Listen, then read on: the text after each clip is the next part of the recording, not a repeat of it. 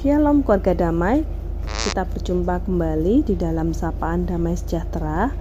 Marilah hari ini kita mengawali hari kita bersama-sama Dengan kita boleh membuka hati kita untuk merenungkan firman Tuhan.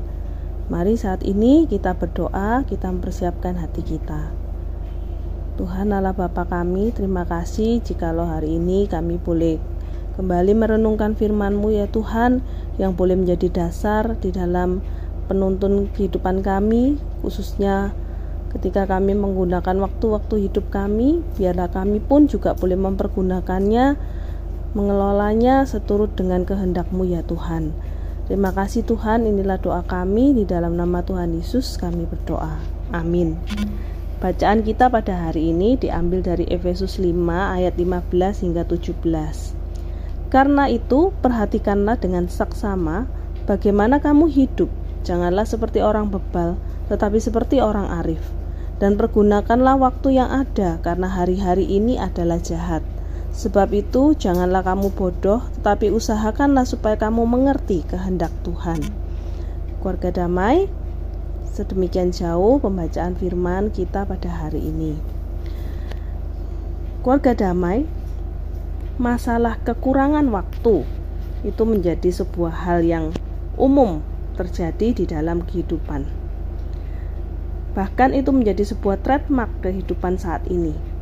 Betapa sering kali kita manusia sangat disibukkan dengan berbagai hal setiap hari, sehingga kita merasa tidak memiliki cukup waktu untuk melakukan hal-hal lain yang sebenarnya perlu untuk dilakukan. Seorang bernama William Penn berkata, Time is what we want most, but what we use worst. Kita selalu membutuhkan lebih banyak waktu, tetapi sering kali kita tidak memanfaatkannya dengan baik. Time management atau pengelolaan waktu merupakan topik yang sering dan terus dibicarakan dan didiskusikan. Berbagai macam metode, saran-saran untuk menyiasati waktu sehingga seseorang akan dapat bekerja lebih banyak lagi dan menghasilkan lebih banyak lagi melalui waktu yang dimilikinya. Hal ini banyak ditawarkan di dalam bentuk seminar, buku, pelatihan, dan lain-lain. Intinya adalah banyak orang menyadari bahwa pengelolaan waktu adalah hal yang penting di dalam kehidupan mereka. Dan mereka terus berusaha untuk mendapatkan jawaban atau jalan keluarnya. Namun yang menjadi pertanyaan bagi kita orang-orang Kristen adalah bagaimana kita memandang dan mengelola waktu dari aspek firman Tuhan. Apa yang Tuhan ingin ajarkan melalui firman-Nya mengenai cara seharusnya kita mengelola waktu kita. Ada dua kisah di dalam Alkitab yang menarik untuk dicermati ketika kita sedang membahas waktu. Yang pertama terdapat di dalam kitab Yosua pasal 10 ayat 12 hingga 14 demikian. Lalu Yosua berbicara kepada Tuhan pada hari Tuhan menyerahkan orang Amir Amori itu kepada orang Israel. Ia berkata di hadapan orang Israel, Matahari berhentilah di atas Gibeon dan engkau bulan di atas lembah Ay Ayalon. Maka berhentilah matahari dan bulan pun tidak bergerak sampai bangsa itu membalaskan dendamnya kepada musuhnya. Bukankah hal itu telah tertulis dalam kitab orang jujur Matahari tidak bergerak di tengah langit dan lambat-lambat terbenam kira-kira sehari penuh. Belum pernah ada hari seperti itu baik dahulu maupun kemudian bahwa Tuhan mendengarkan permohonan seorang manusia secara demikian. Sebab yang berperang untuk orang Israel ialah Tuhan. Di sini diceritakan kejadian ketika bangsa Israel sedang dalam proses untuk mengalahkan musuhnya bangsa Amori. Yosua memohon pada Tuhan untuk menghentikan matahari dan bulan sehingga pasukan Israel memiliki waktu cukup untuk mengalahkan musuhnya. Di sini kita lihat bagaimana Tuhan berkuasa atas waktu dengan menghentikan waktu. Yang kedua, terdapat di dalam kitab 2 Raja-Raja 20 ayat 9 sampai 11. Yesaya menjawab, inilah yang akan menjadi tanda bagimu dari Tuhan, bahwa Tuhan akan melakukan apa yang telah dijanjikannya. Akan majukah bayang-bayang itu 10 tapak atau akan mundur 10 tapak? Hizkia berkata, itu perkara ringan bagi bayang-bayang itu untuk memanjang sepuluh tapak. Sebaliknya, biarlah bayang-bayang itu mundur ke belakang sepuluh tapak. Lalu berserulah Nabi Yesaya kepada Tuhan, maka dibuatnyalah bayang-bayang itu mundur ke belakang sepuluh tapak yang sudah dijalani bayang-bayang itu pada penunjuk matahari buatan Ahas. Di sini diceritakan bagaimana Tuhan menunjukkan kuasanya atas alam raya ini dengan memundurkan waktu sebagai tanda untuk meyakinkan Raja Israel pada waktu itu bahwa Tuhan akan melakukan apa yang telah dijanjikannya sesuai dengan apa yang disampaikan melalui Nabi Yesaya. Keluarga damai kedua kisah ini menggambarkan bagaimana seharusnya perspektif akan waktu dipandang dari sudut Allah, yaitu waktu adalah milik Tuhan. Dia menciptakannya dan hanya Dia pula yang bisa mengontrolnya. Manusia tidak dapat mengontrol atau mengelola waktu. Manusia tidak dapat menguasai waktu. Waktu akan datang dan pergi sesukanya dan tidak ada seorang pun yang dapat menahannya atau mengulanginya lagi tetapi Tuhan dapat melakukannya dan Dia akan melakukannya sesuai dengan kehendak dan rencananya.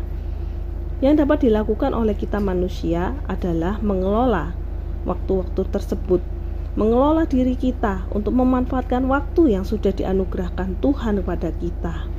Yang dapat kita kelola adalah tujuan, goal, rencana, dan action di dalam hidup kita yang dapat kita lakukan sesuai dengan kehendaknya.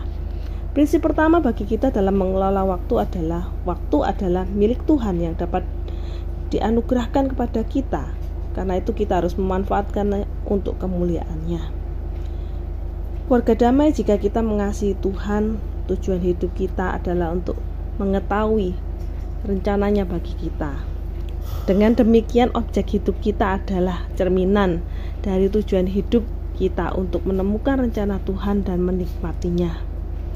Sebagai konsekuensinya, jika kita sudah berkomitmen untuk mencapai sesuatu, maka segenap daya dan upaya kita tidak akan bisa lepas daripadanya.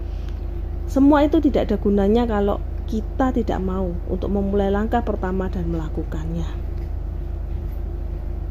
Dalam konteks di atas sangat menarik kalau kita memperhatikan bagaimana kita mengalokasikan waktu kita setiap hari. Kita mungkin mempergunakan 15 sampai 20 menit atau maksimal 2 jam dari waktu kita untuk fokus pada Tuhan. Selebihnya kita pergunakan bagi kepentingan kita sendiri. Tidak demikian dengan Tuhan. Tuhan memperhatikan kita setiap waktu-waktu kehidupan kita, setiap jam, setiap detik. Karena itu adalah anugerah Tuhan bagi kita. Biarlah Roh Kudus Tuhan selalu mencampuri kehidupan kita setiap saat. Efesus 5 ayat 5 11 sampai 17 yang merupakan bacaan kita tadi berkata, "Perhatikanlah dengan seksama bagaimana kamu hidup. Janganlah seperti orang bebal, tapi seperti orang arif dan pergunakanlah waktu yang ada karena hari-hari ini adalah jahat." Sebab itu janganlah kamu bodoh tetapi usahakanlah supaya kamu mengerti kehendak Tuhan. Keluarga damai ayat ini memberikan kita petunjuk tentang bagaimana kita seharusnya menetapkan prioritas dalam hidup kita, yaitu kita seharusnya menentukan, mengatur kegiatan kita di dalam waktu kita. Kita dipergunakan, kita diminta untuk mempergunakannya dengan arif bijaksana, tidak seperti orang bebal. Kita diminta untuk berhati-hati dan berusaha mengerti kehendak Tuhan. Dengan demikian, kita pun melakukan hal-hal yang merupakan kehendak Tuhan. Dan pekerjaan kita tidaklah kita gunakan hanya untuk menghabiskan waktu saja. Karena itu marilah kita perlu memulai kegiatan kita setiap hari dengan pengertian yang jelas tentang apa yang Tuhan ingin untuk kita capai hari itu. Biarlah jadwal kegiatan kita seharusnya mencerminkan satu skenario besar aktivitas kita di dalam pencapaian maksud Tuhan. Marilah saat ini kita menggunakan waktu-waktu kita dengan hati yang bijak untuk memilah mana yang menjadi prioritas yang utama, khususnya itu yang menjadi kehendak Tuhan, bukan hanya sekedar kepentingan diri kita sendiri. Amin. Mari kita berdoa. Tuhan Allah Bapa kami, terima kasih untuk hari ini ketika kami boleh diingatkan untuk mempergunakan waktu-waktu kehidupan kami ya Tuhan. Biarlah kami boleh selalu ingat untuk mengawali hari kami bersama dengan Tuhan dan apa yang kami lakukan di dalam kegiatan kami sepanjang hari, biarlah kami pun boleh mengingat untuk menyertakan Tuhan di dalam setiap agenda kehidupan kami. Inilah yang menjadi seruan doa kami Tuhan Berilah kami hati yang penuh dengan hikmat yang dari Tuhan saja di dalam menggunakan waktu-waktu kehidupan kami. Di dalam nama Tuhan Yesus kami berdoa. Amin.